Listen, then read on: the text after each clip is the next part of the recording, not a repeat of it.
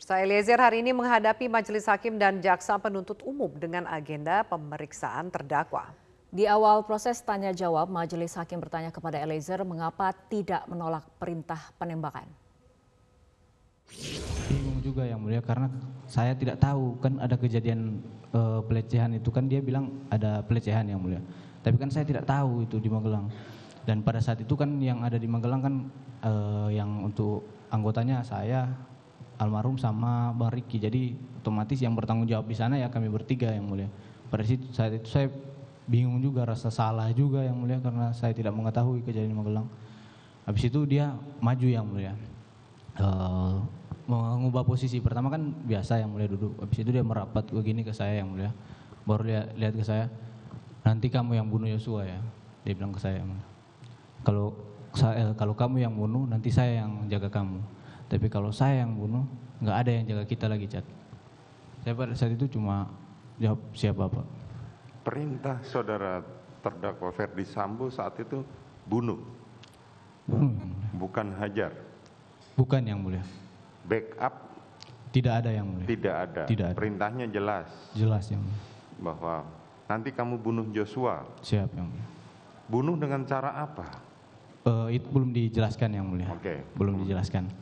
Habis itu uh, saat, dia sebentar. Saat saudara diperintahkan nanti kamu bunuh Joshua. Siap yang mulia. Apa yang terpikirkan dalam benak saudara saat itu? Takut yang mulia. Takut. Siap yang mulia. Saudara tidak langsung meresponnya. Saya belum pernah bunuh orang, Bapak. Ya. Saya pada saat itu tidak berani yang mulia menjawab. Saya cuma siap Bapak aja. Cuman kata siap. Siap. Oke, kemudian? Lalu uh, dia masih dengan posisi begini ya, yang mulia. Dia jelaskan. Jadi gini cat, skenario nya tuh di 46. Jaksa penuntut umum pun menanyakan kepada Richard Eliezer bagaimana sikapnya terhadap keluarga almarhum Yosua dan apakah Ricky menyesal dengan perbuatannya. Pada korban kan, Siap, almarhum. saudara terdakwa di sini. Mungkin korban itu sekarang ini sudah membusuk. Dan keluarganya begitu kehilangan. Dan di persidangan, di persidangan ini saudara mengakui bahwa saudara telah melakukan penembakan. Benar demikian ya terdakwa? Benar. benar. Sekarang apa kira-kira yang harus yang saudara pikirkan terhadap kesedihan daripada keluarga korban. Tolong dulu sampaikan di persidangan ini.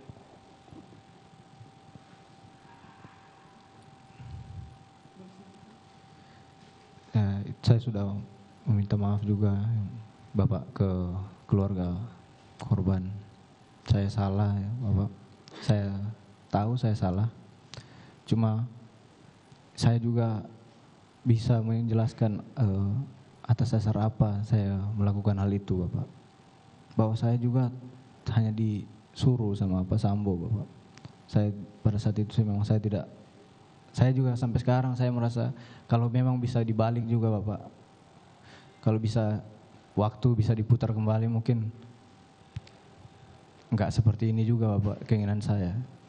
Oke, saudara terdakwa kita sudah mendengar pemeriksaan mulai dari saudara sebagai saksi sampai saudara sekarang ini ter terdakwa. Ini akhir. Siap. Sebentar lagi kami akan melakukan penuntutan kepada saudara. Siap. Bahkan bahkan ahli mengatakan saudara orang yang religius. Bahkan orang yang taat beribadah. Siap. Apakah terhadap tindakan saudara yang melakukan penembakan kepada korban sehingga orang itu sekarang sudah membusuk, jasadnya sudah busuk dan meninggalkan kesedihan kepada keluarga-keluarga korban. Apakah saudara sangat menyesal terhadap perbuatan saudara itu? Sangat, sangat menyesal. Pemirsa polisi masih melakukan pengejaran terhadap pelaku pembakar pria dan wanita oleh orang tak dikenal di Penjaringan Rabu malam. Polsek Metro Penjaringan sudah memeriksa lima orang saksi atas kasus tersebut. Polsek Metro Penjaringan menambah satu orang terperiksa untuk dimintai keterangan terkait pembakaran orang di bantaran Kali Fajar Angke, Pejagalan Penjaringan Jakarta Utara Rabu malam. Kasih Humas Polsek Metro Penjaringan menyebutkan total sudah ada lima orang saksi yang diperiksa polisi. Polisi memastikan belum ada tersangka yang ditetapkan penyidik, namun polisi juga belum dapat memastikan pelaku pembakaran apakah dilakukan oleh orang dekat korban. Polisi kini masih melakukan pengejaran pelaku dengan bantuan gabungan dari Polres Metro Jakarta Utara dan Polda Metro Jaya.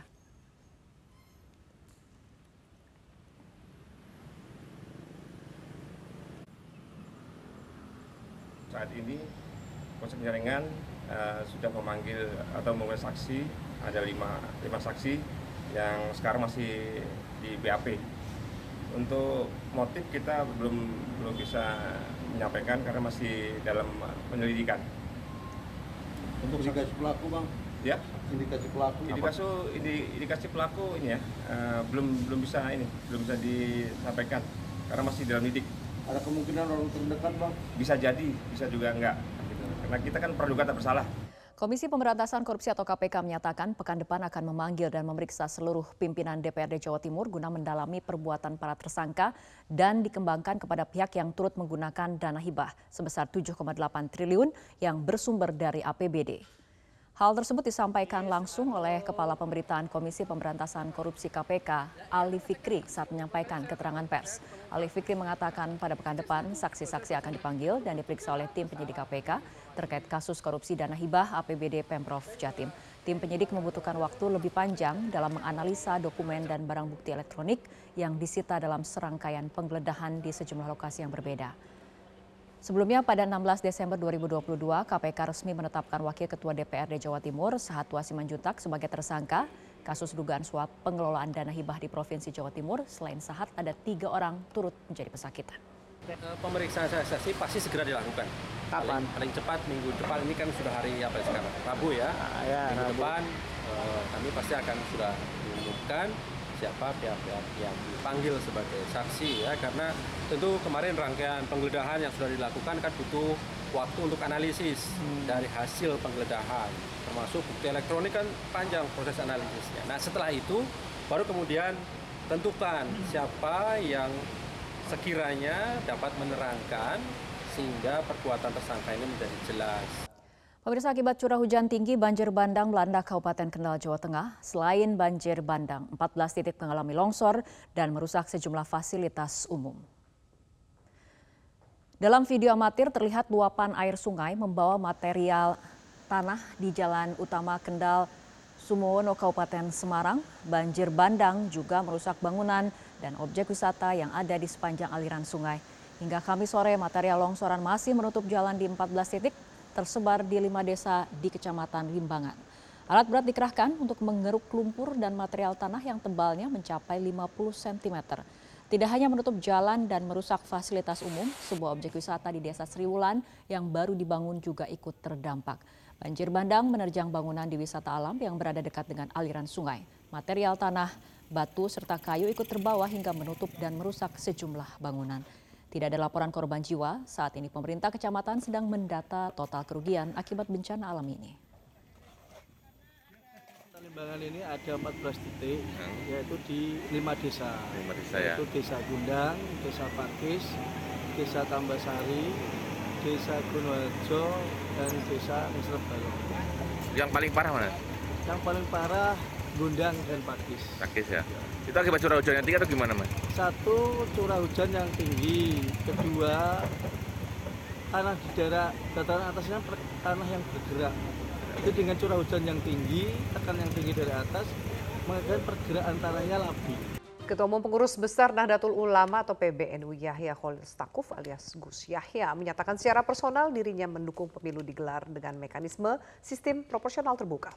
Menurut Gus Yahya, sistem proporsional tertutup alias coblos gambar partai secara teoritis mengurangi hak langsung dari pemilih. Pandangan tersebut disampaikan Gus Yahya usai beraudiensi dengan Komisioner KPU di kantor PBNU.